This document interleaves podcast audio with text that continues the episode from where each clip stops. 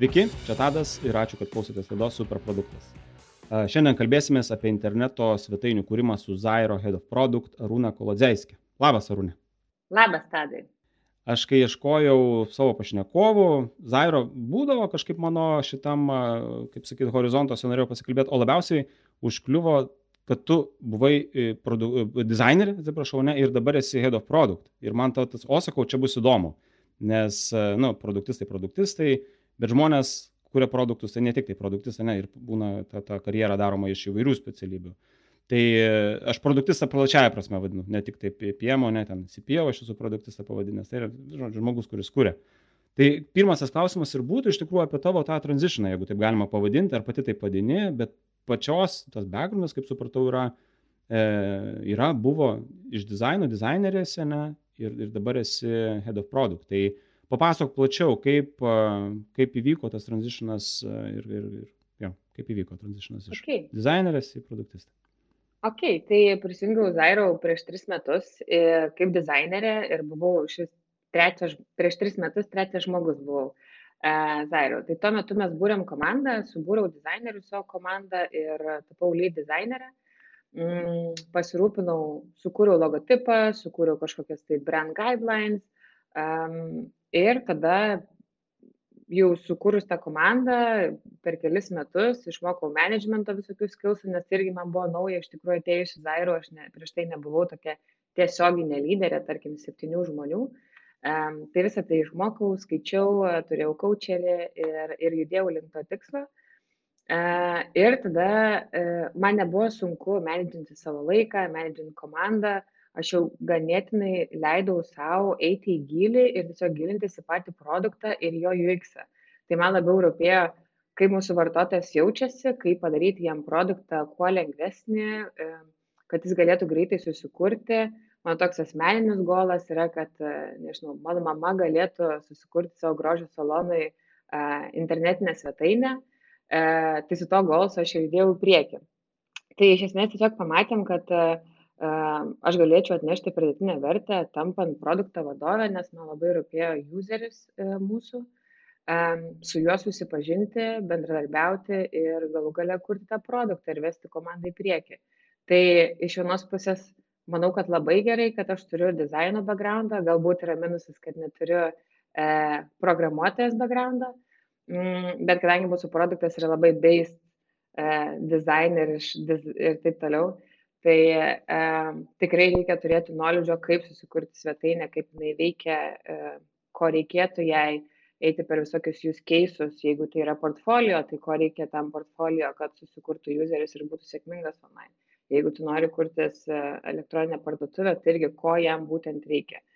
Tai manau, kad tai labai neatsiejami dalykai ir, ir va, esu čia kaip produkto vadovė ir dar turiu dizaino komandą šalia, su kuria dirbam kas buvo sunkiausia darant tą tranzitioną minėjai kaip dizainerė prisijungei nedidelę komandą tai čia labai būtinai e, antroj laidos pusėj pakalbėsim apie tą mhm. komandos visą tą virsmą iš iš tų kelių žmonių į jau tokį rimtesnį sąstatą. Bet pačiai e, einant tą tranzitioną iš iš dizainerės į head of product ir lydinant tikrai nemažą produktą kokie pačiai iššūkiai būdavo na kil kildavo? E, tai mano toks e, aš esu šiaip ganėtinai ekstravertiškas žmogus o developeriai nebūtinai tokie. Tai man buvo visai sunku e, suprasti juos ir susibendrauti, nes tiesiog mes buvom kiekvieną dieną dalyvaudavau stand-upuose, šnekėdavome apie problemas, kaip jas įgyvendinti.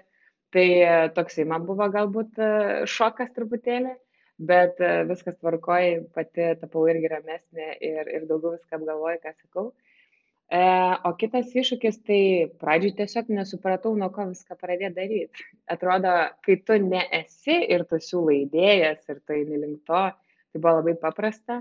E, o kai tu jau tampi tą vadovę, tai yra toksai e, didelis iššūkis, o tai už ko čia dabar griebtis, kur, kur data, kur mūsų useriai, kur yra feedbackas, ką iš tikrųjų padaryti tokio, sukurti tokį featuresą, kad jisai, nežinau, pakeistų uh, 80 procentų userių e, ir padarytų juos laimingesnius, arba ten, nežinau, 90 procentų. Tai labai tas e, e, išsigryninimas ir išsiaiškinimas ir tas galbūt bold sprendimų prieimimas ir nebijojimas jų priimti, Tai aš tą bolt kaip ir turiu, bet vis tiek yra toksai sudėtingas dalykas, nes tai priklauso nuo, lab, tavo realiai sprendimas priklauso vis, visai įmoniai, ar tai bus gerai, ar tai bus blogai. Ir jo, tai čia, ką turėjau, turėjau labai gerą ir turiu iš tikrųjų labai gerą vadovą, kuris prieš tai buvo hostingerio produkto vadovas, tai jisai irgi mane veda į priekį, patarė ir, ir pamoko, kaip, kaip visą tai daryti. Tai va, tai čia turbūt didžiausias buvo iššūkis. Supratau. O pat užsiminė apie vadovą, tai turėjai kažkokį gerą pavyzdį. Kaip, kaip mokėsi apskritai vat, pro, pro, produktų valdymo amato kaip tokio? E, tai šiaip klasika turbūt, e, ką ir visi daro, tai skaitom knygas. E, toks vienas iš naujesnių buvo, tai Reforge kursus ėjau, ten nuo retentiono iki, nežinau, produkt managinimo, produkt ownerių, apie apskritai galbūt struktūras komandų. Tai stengiausi tenai kuo daugiau pasimti idėjų. Tai mano jo, kaip sakau, CEO direktorius mūsų Gedrius, e, buvęs hostingerio produkt e, vadovas, tai jisai mane coachina ir, ir, ir padeda ir priimti kažkokius tai sprendimus. O kitas, man atrodo, labai paprastas, toksai, kur, žinai, kartais e, knygos yra knygos arba vienoje įmonėje vieni dalykai veikia, kitoje neveikia. Tai kažkaip nebijau klysti ir kuo greičiau suklysiu, tuo greičiau išmoksiu ir, ir judėsiu į priekį. Tai iš esmės ta tokia gyva mokykla ir visi bendrai kažką nusprendžiam, pasimokom, paiteruojam, pareflektuojam ir judam į priekį. Tai, tai toksai būtų mano mokymas. Supratau.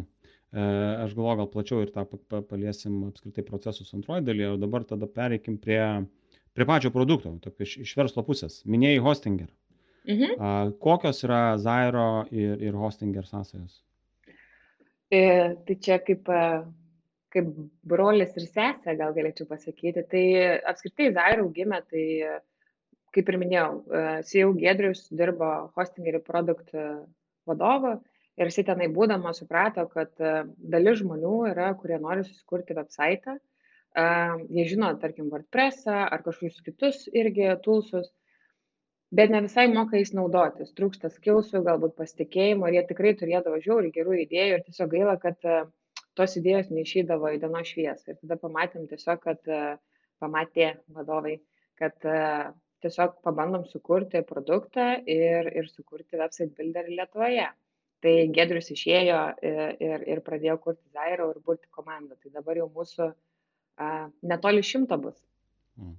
Tai Zairo yra juridiškai kaip atskiras vienetas, ne, Taip. bet, bet iš principo ta kilmės, šalis kilmės įmonė yra hostingeris iš principo, Taip. ne? Ta prasme, tenai gimė tos idėjos, hostingeris tą domenų visą infrastruktūrą, ne hostingą teikia, tai čia tiesiog kaip tokia, at, buvo atskirtas, ne, tiesiog, nes, nu, iš to galima Supratau, labai, labai, labai įdomu. Tai aš galvoju, o kalbant apie patį produktą, ar tai, vat, paprastai žiūrint, tai yra interneto svetainių kūrimo įrankis. Mhm. Ar tai yra tik tai tiek, ar yra kažkas truputėlį daugiau? Bet, prasme, tai kaip jūs, vat, ne, nu, kaip apibūdinat, ką daro Zairo? Ok, tai, uh, tai ne tik internetinių svetainių uh, platforma. Uh, iš esmės jo tu gali sukurti svetainę ką mes turim tai tiesiog papildomus įrankius kurie gali tai palengvinti. Ir vis dar galvojant apie tą lengvumą ir kaip juzeriam mm, supaprastinti tą kūrybos procesą, kad jiem nereiktų tiesiog galvoti, tai ką mes turim, a, tokia įspūdinga komanda Artificial Intelligence, a, tai mes su jais kuriam tulsus, a, tulsus, kurie galėtų padėti, tarkim, aš noriu pardavinėti sausainius, bet nežinau pavadinimo. Tai turime business name generator, kur tu maždaug susivedi savo kategoriją, ką tu norėtum daryti ir tau mes pageneruojam tos pavadinimus. Arba turim teksto generatorių. Um, kai mes patys pradėjom Zairau kurti, buvo tokia problema, kad aš dariau website ir sakau, o tik kas tekstus rašys, nes ko aš tikrai labai nemoku rašyti ir tada kaip tik jau buvo pas mus komanda artificial intelligence ir sako o tai gal padarom kažkokį generatorių kur kur tiesiog tau padėtų greičiau a, kurį tu galėtum paseditinti, aišku, jeigu nori, bet iš esmės tiesiog sugeneruoti kažkokį basic tekstą. Tai turim tokį tulsą, turim uh, hitmapą, kuris padeda useriui tiesiog parodo, į kurias vietas e, jo vartotojai žiūrės atsidaręs website, kur jisai spaus, ar tikrai, jeigu tu nori, kad spaus ant to mygtuko, ar tikrai jisai yra ryškiausias to website ir jisai yra matomas. Tai ne tai, kad um, ar ar galima dar kažką kito tai taip galima kažką kitą daryt bet iš esmės e, mūsų pagrindinis produktas website builderis ir aplinkui mes kuriam tokius tulsus kurie tiesiog padėtų greičiau paprasčiau neinvestuojant nei laiko nei pinigų a, susikurti e, sėkmingą internetinį puslapį Tai net ir svetainė išvata, ne, žiūrėjau, ta prasme, lietuvišką tiesą versiją atidarė. Mhm. Ten ir tas fo- fokusas ir yra, kad, ta prasme, greitai, net yra ten labai gražus skaičius, 90 procentų iki valandos ten sugaišta, ne, tai čia toksai, Taip. kad, nu, fo- fokusas ir, ir ta vertė, kurią kūrėt e, naudotojui, tai yra būtent greitumas ir paprastumas. taip visiškai taip O žiūrėk, man dar toks vat klausimas, čia gal truputėlį ir grįžtant prie ištakų ir va, tiesiog tokiam pamastymui, ne, įdomu tavo, tavo mintis. Interneto svetainių įrankių yra labai daug. Nu, Mhm. WordPress'as, mano atsimenu, ten buvo pirmasis labai senai, dar nemokamas, dabar jau mokamas. Viksai čia Lietuvoje gyvena, va, irgi šnekėjome su Antanu. Ta, kaip ta konkurencinė aplinka, aš galvoju, nu, va, atrodo, ar, ar, ar vat, kaip, kaip tie sprendimai, gal esi, žinai, tą priešistorę, ne, tą, tą tokią nu, vat, pa, pa, pagrindimą, kodėl mes dabar turėtume savo kurti įrankį, kas yra iš principo, na, brangu, a, ne, versus tam, nežinau, pasirinkim kažką tai iš, iš tokių esamų įrankių ir pasiūlykim naudotam, nes irgi galėtume tikriausiai išspręsti. mhm. Tai va ta konkurencinė aplinka ir kaip, kaip, kaip ta logika verslo čia dėliojasi, gal žinai. Tai, tai konkurencinė aplinka tai tikrai yra labai didelė ir, ir, ir, ir tokia, jo, jinai plati ir man atrodo, kad šiuo metu apskritai labai labai populiarėja šitie produktai ir builderiai, tai jų tikrai į dieną gal net po vieną atsiranda tiesiog masiškai. Tai kuo mes norim išsiskirti ir, ir kaip, kaip mes matom save, tai tiesiog produktą daryti paprastą, lengvam startui. Rinkos e, irgi toksai mūsų kaip ir modelis yra, kad mes norim kainos ir kokybės santykiai palaikyti, kad tai nebūtų vis dėlto irgi ganėtinai brangu. Ir a, man tai toks vienas iš e, jo išskirtinumų, ką tu paminėjai, greitis, tai greitai susikurti website, bet kad greitai jis ir veiktų. Čia yra labai labai svarbu ir manau, kad kiekviena sekundė užkrovimo website tiesiog tu gali prarasti klientą. Ir kita, kurį aš labai mėgstu pahighlightinti, tai yra mūsų supportas, kuris yra laivo 24-7. Tai aš kai rekomenduoju draugam pas, pas mane kurtis e, online shopus ir jie man rašydavo visada, arūne kažkas negerai neveikia, sakau, taigi rašykit mūsų supportai, sakau, iškart jie padės. Sako, tai ten ne robotai kažkokie dirba, sakau, ne, ne, ne, sakau, čia, čia realų žmonės ir sakau, jie tiesiog visada, visada jums atrašys ir, ir kokią kalbą reikia. Tai, tai man asmeniškai šitas yra, kur mm, tiesiog labai labai pasitikiu e, rekomenduojant, nes žinau, kad jeigu mūsų klientui kažkas atsitiks, mes iškart sureaguosim ir, ir, ir ištaisysim kažkas tai problemas arba įsiklausysim į juos. Ir čia nepriklausomai nuo kainodaros lygio jūs tą, tą live supportą teikėte, ne? Taip, tiesiog paid customeriams visiems. Mhm. Taip. O kalbant apie konkurentus dar truputėlį plačiau, Mhm. ką jūs įvardinat kaip pa- pagrindinius? Nu, čia gal netgi yra ir, ir tas, ir, yra tikriausiai toks globalūs tie žaidėjai, yra paskui regioniniai tikriausiai, ne, tai prie to prieisim paskui, kokios yra geografijos pas jūs, bet šiaip bendrai paėmus, kas jūs yra konkurentai?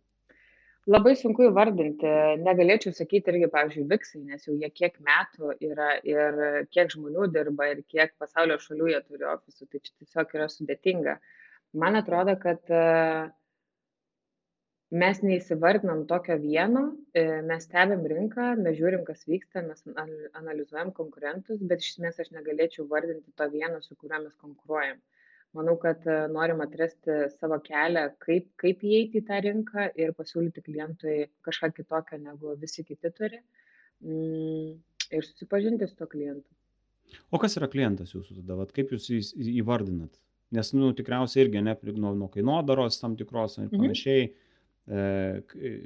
pasirenka žmonės, ne, ten yra brangesni produktai kažkokie, tai tai vienokius galbūt, ne, agentūroms skirti kažkokie, tai vat kaip jūsų klientas atrodo? Tai mūsų visiškai yra e, mažų verslų owneriai, aš taip pasakyčiau. Mes nesam ta platforma, kur galėtum susikurti panašų website, nežinau, kaip um, Pigu LT ar dar kažkas, kur iki, nežinau, virš 2000 produktų pardavinėjama. Tai tikrai tada sakytumėm, kad Zairau jums yra netinkama platforma, tačiau tie, kurie uh, turi mažus verslus iki 200 produktų arba nori susikurti tiesiog reprezentacinį websaitą, tai sakyčiau, kad naudokitės ir, ir, ir viskas turėtų būti sėkminga. O kaip atrodo verslai tada, sakykime, ar čia mes kalbam apie interneto parduotuvės bendrai, ar yra, kaip, žodžiu, gal galima paskaidyti, kas yra populiariausia pas jūs, kokio mhm. tipo verslai naudojasi jūsų platformą? Zaira. Kokio tipo būtent netgi?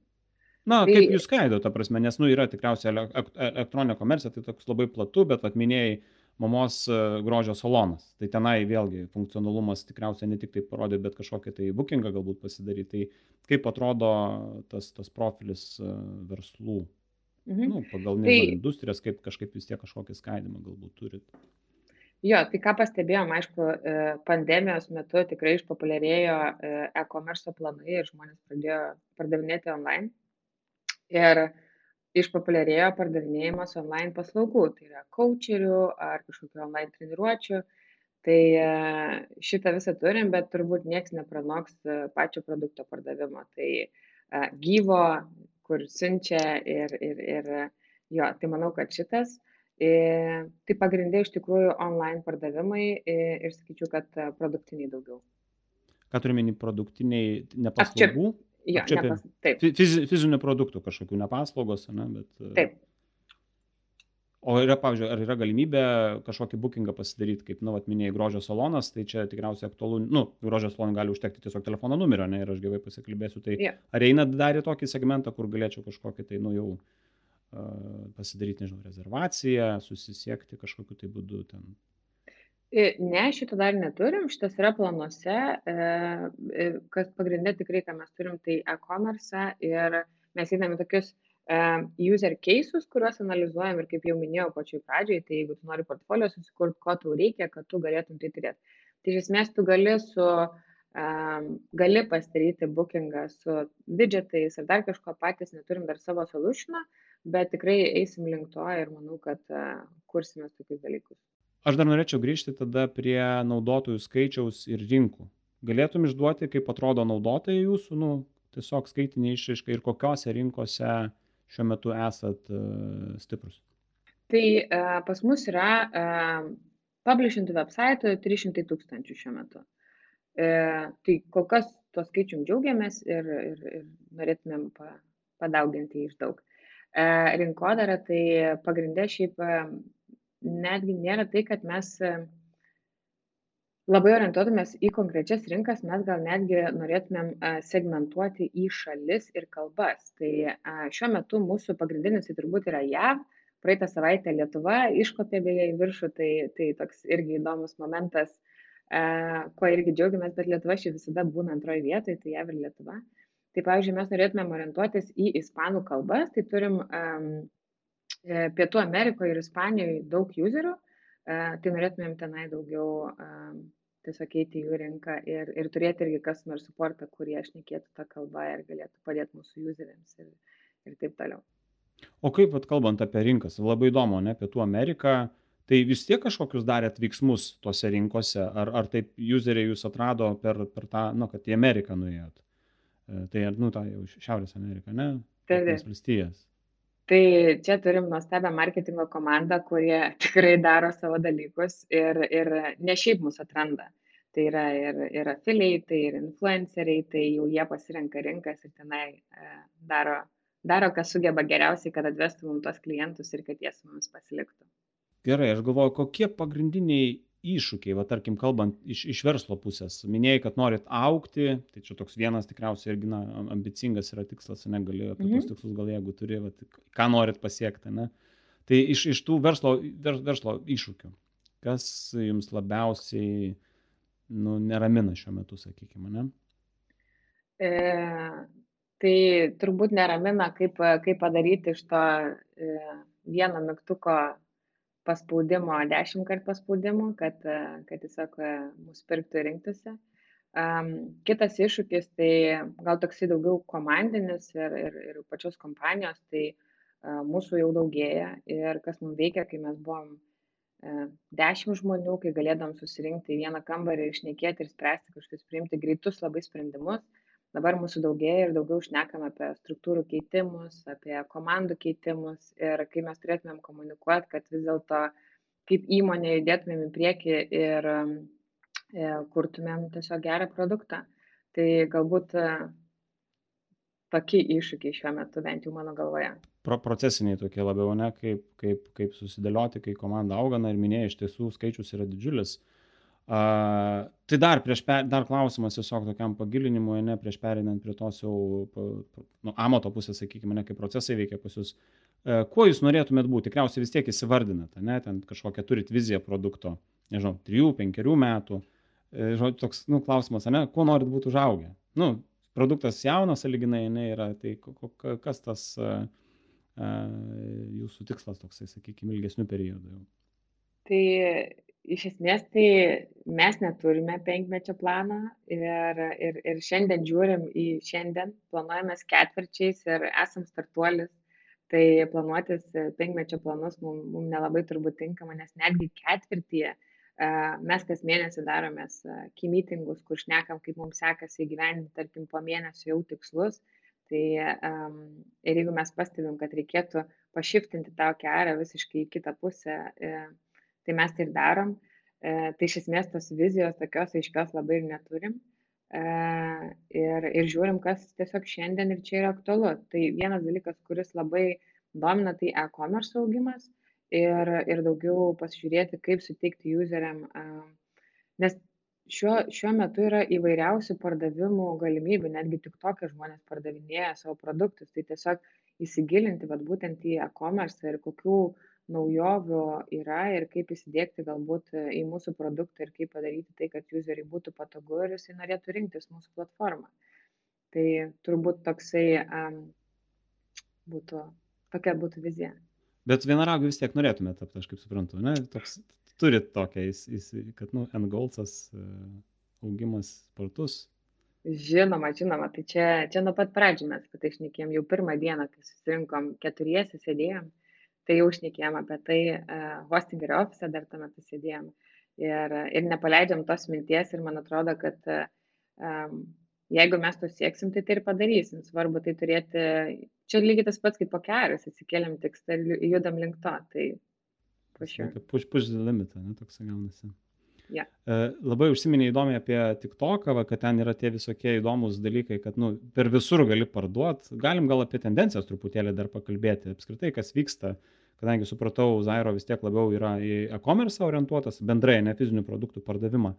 E, tai gal galim kažkokius, nežinau, gali įvardinti kažkokius pagrindinius trendus, ką stebit, kas jums yra aktualu, a, sakykime, iš produkto perspektyvos, kažkokios, nežinau, ar nišos tai yra, kas, kas vyksta ir, ir kur jūs norėtumėt judėti, sakykime, nežinau, artimuoju periodu, ketvirčių, dviejų ketvirčių bėgiai okei tai labai svarbu kai prasidėjo irgi kaip sakau pandemija tai buvo visai įdomu stebėti kas vyksta. Ir anksčiau visada galvodavom kad e-komersas tai yra nu aš galvodavau ir ir galbūt mano komanda kad e-komersas tai yra didelė fiz kažkokia parduotuvė kur reikia labai daug filtrų ir ir čia žodžiu buhalterija ir visokie sudėtingi dalykai. Ir mes pastebėjom kad iš tikrųjų yra žmonių kurie pardavinėja vieną produktą ir netgi jam nereikia kažkokio sudėtingo solutiono, kaip tarkim yra kitos platformos uh, ganėtinai brangios ir labai sudėtinga jas valdyti, bet nori pardavinėti vieną baltą maikę.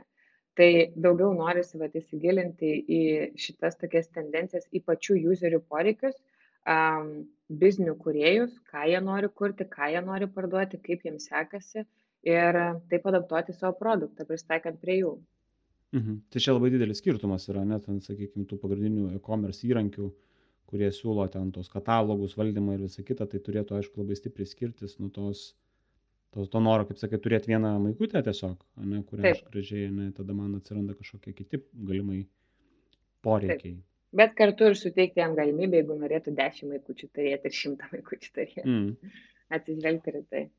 O kaip yra su kitais kanalais pardavimo? Nes paprastai e-commerce tai yra, nu, sakykime, ne, nu, va, svetainė vienas iš kanalų, bet ir minėjai, uh, TikTokas kaip toks, ne, social media ten tikriausiai, nežinau, Facebookas. Galvojate apie tokius, nežinau, integravimus uh, arba kitas, nežinau, Amazonę ten pardavinėti? Ne, kol kas apie tai tikrai negalvojam. Uh, galbūt reiktų pagalvoti ateityje. Nu čia vis tiek jums tikriausiai diktuoja naudotojai jūsų, ne? Nu, tai apie viską Taip, taip, taip. neverta gal net ir galvoti. Taip. Ok. Pasikalbėkim tada apie komandą. Man labai įdomu iš tikrųjų ir, ir, ir nuo pat pradžių, va, taip užsiminė, net tas augimas nuo nulio iki, iki, iki šimto šiuo metu berots, ne? Tai papasakok tada plačiau, kaip ta komanda vystėsi čia per tris metus iki šimto, tai yra reikalų. Kaip buvo pradžia, kaip esate dabar ir, ir, ir jo, kokia yra komanda, kokios, kokios atsakomybės, kokios komandos, tikriausiai ne viena komanda čia yra. Jo, tai, tai kaip sakau, pradžiai e, buvom trise e, ir, ir po truputį pradėjom bildinti komandas. Tai reikėjo komandų backendo, frontendo, e, QA komandos, AI, vat, e, aš net ne, nebūčiau pagalvojus, kad dirbsiu su tokia komanda ir su, su tokiam technologijom, kas yra labai įdomu ir ten tikrai reikia daug įsigilinti ir suprasti. Um, customer support komanda, tai iš tikrųjų ieškojom žmonių, kurie galėtų lydinti tas komandas ir galėtų samdytis uh, žmonės savo, nes tiesiog taip daug paprasčiau buvo. Tai po truputį didėjom, augom ir, ir, ir atsirado tada jau um, tokios, uh, kaip jau minėjau, tos visos komandos pagrindinės, o builderio yra, nes mes uh, tą, tą produktą vadinam builderio komanda, kurie jau yra developeriai, tai yra aštuoni developeriai, frontenderiai, du designeriai, turim head of delivery ir turim product ownerį va šitoj vietoj ir mes dirbam cross-functional teamais. Tai reiškia, jeigu mums reikia mm, komandos reikės backendo, DevOpso, QA ir, ir ten dar kažko, tai tada product owneris tiesiog pasirūpina ir su, su, su, sukuria tokias komandas cross-functional, kurie dirba ties vienu ar kitu featuresu. Tai jau Tai čia tokia viena komanda builderio, ne? Jis ir skaitosi viena, ar dar ją kažkaip tai paskaidot, nežinau, ten kažkokiam tai dalim, nes builderis įsivaizduoju, nu didelis daiktas. Taip, taip, taip, taip pats builderis, kur, su kuriuo jau tu kuriesi tą įrankį ir, ir turim atskirai template'ų komandą, tai reiškia, jie kuria template'us, kurie bus builderiai, turim CRO komandą, kurie dirba su website, pardavimais, e, pricingais ir, ir taip toliau.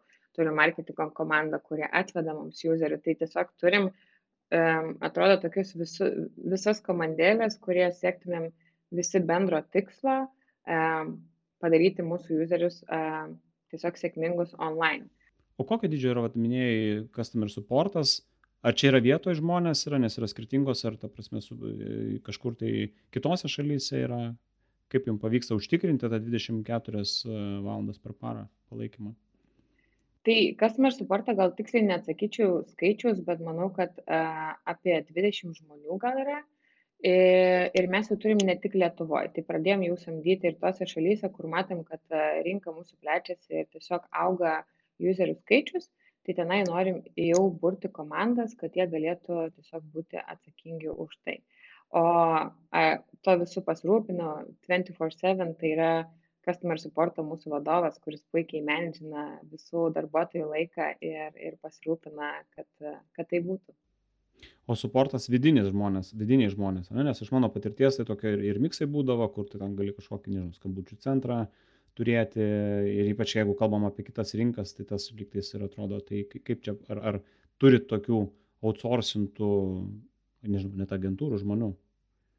Visi yra Zairo darbuotojai ir senais laikais sėdėdam kartu ofise, dabar dažniausiai sėdim namuose, aišku, nes e, dirbam remoto. Tai, tai visi yra Zairo darbuotojai. E, pagrindiniai ofisai yra Lietuvoje, Kaune, Vilniuje, kokiose lokacijose? Taip, tai Kaune yra didysis mūsų ofisas, e, kartu su hostingeriu, šiaip iš esmės yra du aukštai ir, ir mes kartu čia darbuojamės ir dalinamės žiniomis. O kitas yra Vilniui, ten irgi kartu su hostingeriu, beje, truputį mažesnis, nes mūsų vis tiek head, of, head office yra Kaune. Turim žmonių, kurie dirba iš kitų šalių, tai ir Londonas, ir Vokietija, tiesiog kurie dirba remoto. Ir mes juos iš tikrųjų ir samdėm remoto. Ir... Nu, dabar toks laikmetis, kur jau. Taip, taip, taip. O ką daro Head of Product, Zairo? O, gerai, pabandysiu atsakyti. Šiaip labai geras klausimas, aš pati sustojau netgi ir sus, su, bandžiau sustelioti tas mintis, ką, ką iš tikrųjų daro Head of Product. Tai pagrinde aš e, orientuojuosi į mūsų userius ir stengiuosi įsigilinti į jų problemas ir perduoti visą tai komandai. E, kurti mūsų OKR golsus pagal userių poreikius, pagal marketingą, pagal a, konkurentų analizę, bendradarbiaujant irgi su kitais teamais, tai tarkim su EAUS teamu mes šnekam, kaip mes galim irgi palengventi tą vis dėlto userio kelią, kuriantis website ir kokį mes galim sugalvoti dar tūsą ar, ar kažkokį tai projektą užkurti. Tai iš esmės labai nemažai tų dalykų, e, bet šiaip ta vizija, roadmapas, prioritetai yra mano dalis, kur esu atsakinga ir, ir, ir e, komandos jo vedimas E, siekti tų tikslų, kuriuos išsikėlėm. Minėjai, kad produkt ownerius turi, tai ar yra vienas žmogus ar keli, kaip atrodo dar va tas toksai, nu, sakykime, mane žmonės irgi pro, už produktinę dalį atsakingi. Tai produkt owneris yra vienas, jis yra builder komandai, nes viskas iš mūsų iš esmės ateina kažkokie dalykai requestai kitoms komandoms. Tai jo produkt ounerį šiaip mes neseniai turim gal tiktai keli mėnesiai nes pamatėm tiesiog poreikį kad reikia reikia tos pagalbos šitoj vietoj ir truputį sumažinti galbūt ir developeriam to darbo e, menedžintis e, e, tiesiog atsiradęs žmogus. Ir turim head of delivery kur tokia kaip ir nereikia visiems galvoti apie delivery procesą. Yra žmogus dorai atsakingas kuris vis iteruoja ir galvoja, kaip paimprovinti mūsų procesus, e, išbandom kažkokius naujus dalykus, tada reflektuojam su komanda, galvojam, ar mums tai veikia ar neveikia ir nebijom priimti staigiai irgi to sprendimo, kad nu, iš tikrųjų visiškai esame nepatenkinta komanda, mums neišeina, e, okei, okay, sugalvojam kažką naujo ir tiesiog e, judam į priekį. O PO, produkt ownerio rolė, kokia yra, kokios jo atsakomybės? Sakė, minėjai pagalba developeriams, tai jisai techninę specifikaciją ruošia, prasme, kiek, kiek koks jo yra skaupas. Mhm. Tai e, mūsų produkto owneris yra jo e, developeris buvęs Zairo, tai reiškia, jisai labai labai gerai techniškai išmano mūsų produktą ir labai gerai dirba su iššūsiais, e, GitHub visais taskais, kuriuos e, mūsų customer supportas, tarkim, e, surašo kažkam tai problemam, tai jisai labai gerai identifikuoja tas techninius dalykus ir kartu taip pat e, su manim gilinasi į userio irgi problemas, tai esam pasiskirstę, kas už ką atsakingas ir perdodam visą tai komandai. Ok, supratau. Tai čia toksai uh, tos iššius, tai labai, labai yra gera, gera patirtis, kai yra developeris, nes jisai tada gali, ta, kaip sakyti, tą pačią kalbą, ne, uh, kalbėtis uh, ir, nu, su, su, su delivery komanda jau o tas žmogus head of delivery, tai jisai toksai man tok, taip skamba kaip ir Scrum Masteris, toks, kur į procesą jisai rūpinasi, susižiūri, kad ne, tam tikri dalykai būtų paruošti. Ar tas e, panašia analogija šiuo atveju? Visiškai taip ir iš tikrųjų iš Scrum Masterio skolinamės labai nemažai dalykų ir, ir bandom įgyvendinti. Ir tai vienu, kuriuo labiausiai turbūt džiaugiamės, tai refinementais, kurie mums tikrai labai labai pasiteisino ir, ir, ir norim juos e, įdėkti ir į kitas komandas, kad tiesiog pradėtų naudoti ir patobulinti tą delivery procesą, nes tiesiog stopam daugiau laiko visom kitom komandom, kai parelystinam feature. Minėjai, klientams skiria daug dėmesio suprasti, ko reikia, tai tiek, tiek tavo tas pagrindinis darbas, ne, yra tiek produkt ownerio. Kaip, ką, ką jūs darot, kad suprastumėte? kokiu, kokie tai, kokiais būdais bandot suprasti, ko reikia useriam? E, kadangi mes turim customer supportą, kurie kiekvieną dieną bendrauja su mūsų useriais, tai iš tikrųjų aš netgi tai kartais vadinu user intervius, iš kurių mes galim pasimti labai daug informacijos. Tai mes bendradarbiaujam su customer supportu, turim weekly irgi skambučius ir šnekamės apie kažkokius tai trendus, ar tai problemas, ar feature requestus ir turim uh, data, e, kur galim pasižiūrėti visus šitus dalykus. Tai iš esmės visas feedbackas, kuris ateina iš mūsų userių per customer supportą, jisai nukeliauja iki produkto, e, susidėliojam viziją, prioritetus, kas yra skaudžiausia, ką reikėtų padaryti, arba galbūt kažkoks naujas exciting features būtų ir labai labai daug userių tai padėtų. Uh, ir lygiai taip pat e, darom user intervius, nors ir komandai produkto turim tik du dizainerius, bet vis tiek daromės, jeigu, tarkim, aš pamatau, kad problema yra ten vienoje vietoje, tai tuomet ne tai, kad mums užtenka to pasakymo, bet mums reikia tada įsigilinti ir pasidarom user intervius būtent tą temą, kad įsiaiškinti ir netgi kalbinam uh, savus klientus, um, o ne šiaip kažkokius tai, uh, nežinau, žmonės, kažkokia grupė žmonių, kurie, kurie norėtų tai daryti. Tai grinai šnekame su savais useriais tam tikrų klausimų, kad įsigilinti ir suprasti, kodėl mums reiktų vieną ar kitą um, pakeitimą daryti ir kaip mes galėtume jam padėti. Labai įdomu, minėjai dizainerius, tai dizainerius, kurie dalyvauja, tai ar jie kaip prisijungia prie tų customer interviews, na, kaip lydinantis žmonės, ar jie dalyvauja kartu su tavim, su, su produkt owneriu, kaip, kaip atrodo, žodžiu, kas, kas dalyvauja tuose interviu?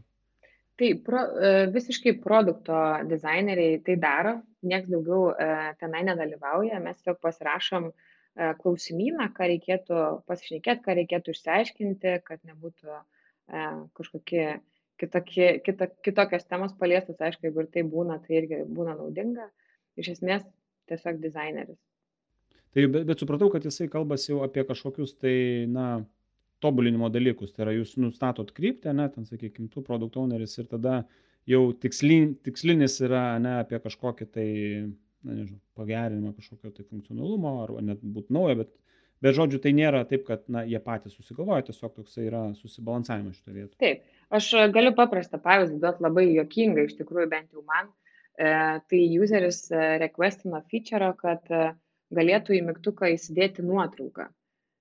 Ir man kaip e, web dizaineriai e, yra toksai, o kodėl, o tai ką jisai nori padaryti ir e, pas mus ten buvo įdėta į feature requestų sąrašą, kad kažkas darom, gal, galbūt ne visi žino, kaip websaitai kuriami ir nebūtinai visi komandai ir tai turi žinoti.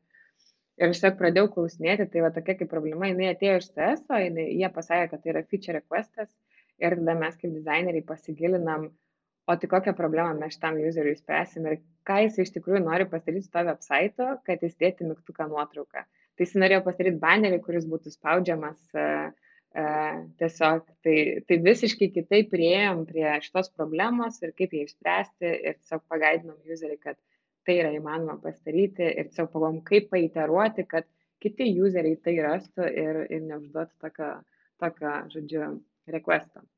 Tai vad kažkas panašaus.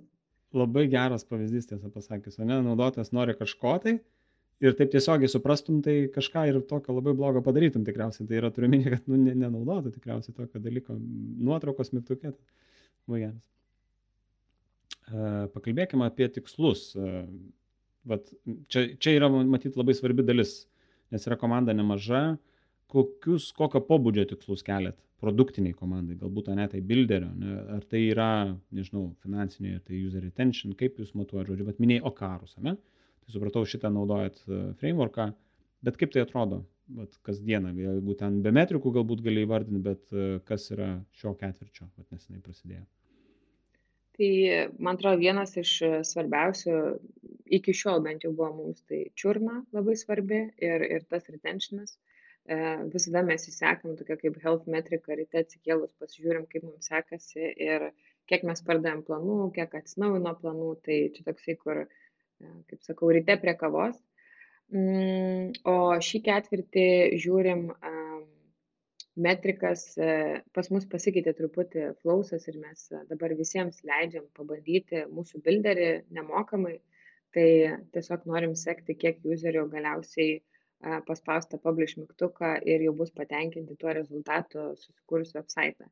Tai mūsų tikslas nėra piniginis, mūsų pačio produkto, tai yra daugiau vat, kaip useris jaučiasi bilderyje, kokius feature'us pagrindė naudoja, kaip mes galim juos improvinti ir a, tai kai kurie dalykai ateis iš CSO customer supporto feedbacko, o visi kiti ateis iš, iš to, kai, kada useris spaus vis dėlto tą publish mygtuką, kiek laiko jisai truko, tai mums tos vietos yra a, įdomiausios ir svarbiausios šį ketvirtį.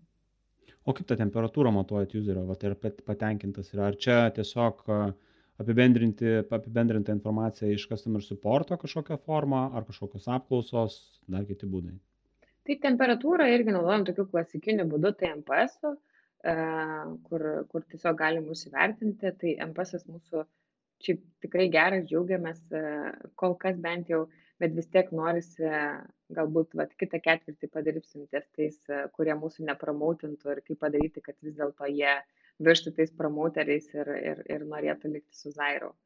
Labai įdomu būtų sužinoti apie prioritetų nustatymą. Minėjai, vat, kad yra ir produkto ownerio yra ta rolė, ne, tai yra tiesiog gilintis į kažkokius tai iššius, tuo pačiu pasigilinti į kažkokius naujus poreikius kaip subalansuojat new features versus e, improvements versus kažkokių bugfixai ir, pan, ir panašiai, nes nu, visko vienu metu negali daryti tikriausiai. Ar turite įsivardinę kažkokią formulę? Čia turbūt e, pridėčiau prie to prieš tai buvusio klausimo iššūkiai. Vienas iš iššūkių, e, nes iš tikrųjų Zairau, Builder teamas turbūt daugiausiai gauna feedbacko iš, iš labai daug kur. Aš netgi esu sukūrus tokį slekę channelį feedback, tai ten belekas gali mums atėjęs iš visos įmonės, iš hostingerio netgi gali ateiti ir tiesiog rašyti feedbacką ir, ir jį sureaguojam, atrašom ir žiūrim, kur mes jį galim padėti.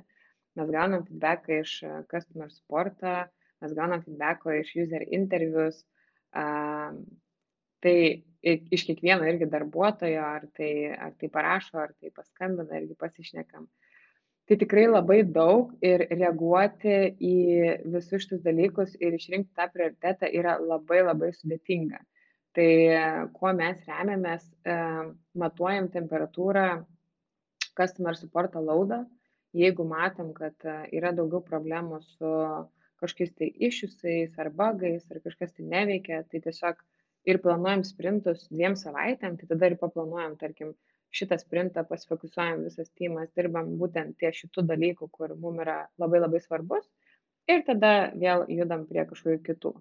E, tai, tai taip stengiamės tą balansą palaikyti ir, ir būti, e, būti tokiem exciting irgi, kad tas produktas būtų matomas ir, ir naujais featureais, ir kartu tobulėti, ir iteruoti, ir, ir tiesiog būti patogesniam. Supratau tai čia toks reagavimas ane jeigu kažkas e, nu įvyko daugiau kažkokių užklausų tai čia toks reagavimas čia ir dabar. O šiaip bendrai kalbant apie prioritetų nustatymą ten kalbant apie naujų funkcionalumų kažkokį introducinimą galbūt tik tai apie tą dalį ne apie naujų funkcionalumų kaip pasimatuojat kad darysim dabar kažkokį tai naują funkcionalumą x o ne y tai lygiai taip pat e, turim userių data ir feature requestus ir iš esmės tiesiog pasižiūrim, koks yra labiausiai feature requestas requestinamas. Pagalvo, nu, aišku, e, panalizuojam irgi konkurentus, pasižiūrim irgi, ar jie turi ar neturi, e, ar it makes sense, kuriant website, ar čia ne į mygtuką įsidėti nuotrauką tas features, žinai, būtų. Bet jeigu tai yra, tarkim, multilanguage, tai man atrodo tikrai labai svarbus ir, ir kuriantis website, ir kuriantis biznį, mes tiesiog turim suteikti tokią galimybę useriai o minėjai kad turit čenelį ane va toms idėjoms visokiems rekvestams kaip atrodo tas idėjų surinkimas kažkoks beklogas? Ar tai yra va ta viena vieta tokia kur turit e, susirašę nu kaip čenelį ar ar dar yra kažkoks truputėlį nežinau skait nu kažkokia kiekybinė forma ane kad jau truputėlį ten išsi išsi e, išsirūšiavę pagal kažkokį tai nežinau užklausų kiekį kaip kaip tas idėjų beklogas atrodo tai naudojam tokį produktą product boardą, e, kur iš tikrųjų dėliojamės visus taskus ir tenai labai yra fainas toks dalykas user insights. Tai reiškia, prie, kažkokio, prie kažkokios tai iniciatyvos galim pridėti user insights. Ir anksčiau mes tai darydom manualiai ir tiesiog tu matai, um, ant kiek tai būtų impactful, jeigu tu tai padarytum ir kiek userio apie tai išneka. Tai šitas dalykas mums visai padeda nuspręsti. Uh, ir mes neturim vieno tokio mes mes turim pačekinti dar kelis dalykus tai kaip sakau ir su customer supportu mes turim irgi tą tagų sistemą kur jie tagina conversationus jeigu tai yra tarkim kažkokia problema su domenais tai jie užtagina tą vietą ir mes irgi žiūrim maždaug tas metrikas kaip kas keičiasi ir kuri vieta vis dėlto yra ta kurią turim tvarkyti lygiai taip pat feature requestai irgi matom kurie aukštyn žemyn tai iš esmės tie prioritetai taip ir susidėlioja Ar dabar minėjai, kad manualiai iš į product boardą sueina, ar, ar, ar, ar teisingai supratau, kad dabar jau kažkaip automatizuojat iš customer supporto subėga, ne? Jau e, po truputį judam link to, tai dar, dar nėra to, bet e, coming soon. O, o kalbant apie roadmapą, kokiam laikotarpiu planuojate ilgesnius? Vat yra tas ketvirtis aktyvus, ne, tai susiplanuojate ketvirčio pabaigoje, metų vat, pabaiga bus netrukus. uh, roadmapas, kokio jisai ilgio yra, kokį laikotarpį apima. Iš esmės tai irgi ketvirtį. E, realiai roadmapą mes susidėliojam e, išsikėlę tikslus ir iniciatyvas susirašę, ką mes norim daryti. Iniciatyvos irgi, kaip minėjau, gali keistis viduriai ketvirčiai, jeigu mes matom, kad tai turi būti. Ir e, tiesiog pakeitę, e, pakeitę iniciatyvas pakeičiam ir patį roadmapą. E, nes jau reflektuojant ketvirčio gale, matom iš karto viziją ateinančiam.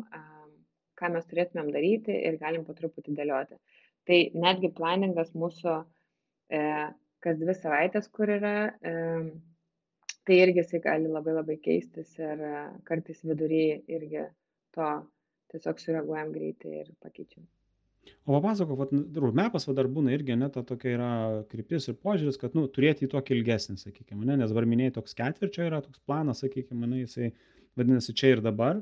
A, kiti mėgsta turėti tą roadmapą truputėlį ilgesnį, nu, tam tikrą prasme vizijos tenai yra dalykai kažkokie, tai, tai ar, ar turit tą tokį, nežinau, pusmečio metų planą, tokį, kur veikli toks yra neapibrieštas, ar vis dėlto fokusuojatės į tą tokį short termą, šit čia tą ketvirtį susiplanuojat ir tada vėl gimsta inputai kažkokie? Iš esmės tai short termą, nes kažkaip um, mes turim labai labai didelį listą, ką mes norim pasidaryti. Uh, Ir, ir tai gali būti truputėlį overwhelmed. Ir galim, kaip čia pasakyti gražiai, ištaškyti šonas ir, ir, ir nesusifokusuoti. Tai aš manau, kad jeigu norim kaip produktas judėti greitai į priekį, reikėtų fokusuotis būtent į savo tos tikslus, ką mes norim pasiekti. Tai tokia kaip ir vizija savo galvoj ar kažkur ant popieriaus uh, užrašyta, tai taip turim. Šiaip mes turim ir roadmapą, jis yra pasiekiamas iš mūsų website. Kur yra sudėlioti featureai, kuriuos mes tiesiog releasinsim greitų metų. Bet jis yra toks short terminis, kaip ir minėjai, ne? mes kalbame apie ket, ketvirčio rėmuose. Tam prasme, kad fokusas čia dabar, ta prasme, naudotojų tą nuotaiką mes pasižiūrim ir tada uh, einam, žodžiu, žodžiu, bildinam tos dalykus. Taip, dar tenai, kas, kas fainis to mūsų roadmapų, kad useriai gali balsuoti irgi. Uh, ir iš tos vietos, tai kaip minėjau, mes uh, iš daug kur labai gaunam tą feedbacką ir renkam data. Uh, tai tenai lygiai taip pat gali balsuoti už kažkokį tai feature, kurį galbūt greičiau paimtume. Geras, tai čia vidinėje aplinkoje nu, tiems esamiems naudotojams ar yra iš viso publicly viešai? Yra publicly, publicly mūsų website, man atrodo, footerį, mm. jeigu neklystu, okay. yra įdėtas linkas. Super, reikės pažiūrėti, prisipažinsiu, ne, ne, ne, neužmačiau, bet uh, geras reikės. Čia vienas iš e, product boardo labai fainas e, dalykas, kad tai galima daryti ir tenai tie patys featureai ir tiesiog atsivaizduoja uh, roadmapą.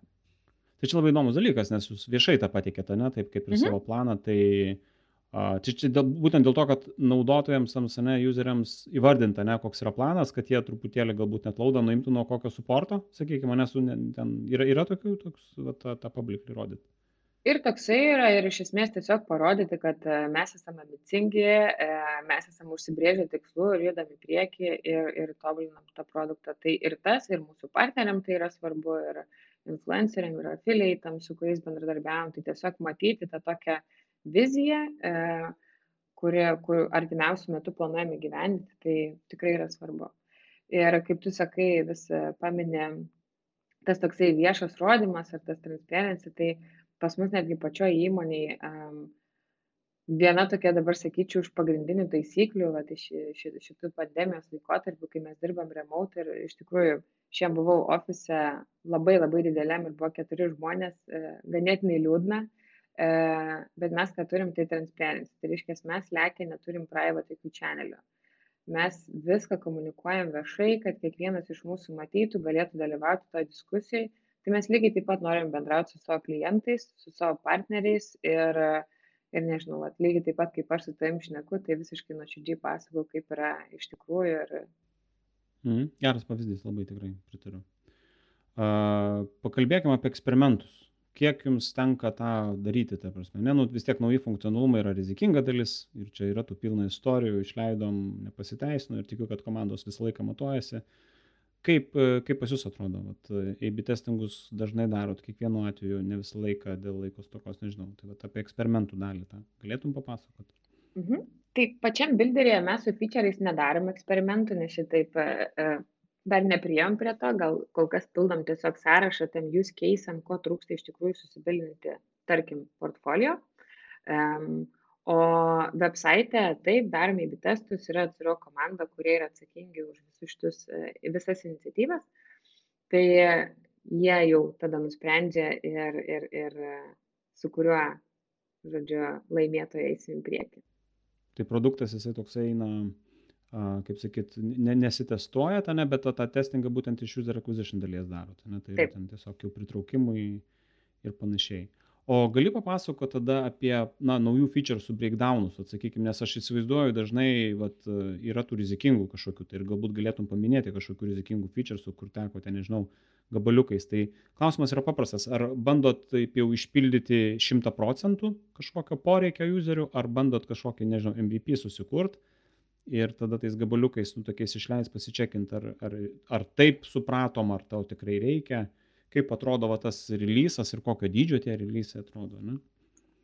E, tai visiškai MVP ir iki šiol mes tą gyvenam ir, ir, ir kaip pasakau apie refinementus mūsų, tai mes tengiamės susmulkinti taskus į subtaskus, kad tiesiog dažnai releasinti ir po mažus releasus tiesiog neinvestuoti tiek laiko ir sužinoti gal galia, ar useriai tuo naudojasi ir ar tai yra naudinga.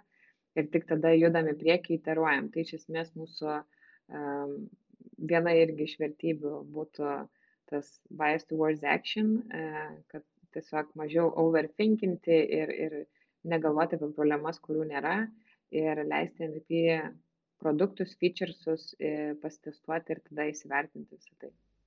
O analitikos komanda, ar yra kažkoks analitikas, kuris tos duomenys padeda, ar čia jau tavo rolė kažkokia kažkino kito, kas susipažįsta giliai va, su, tais, su, tų, su tais duomenim, kurių tikrai tikiu nemažai turite?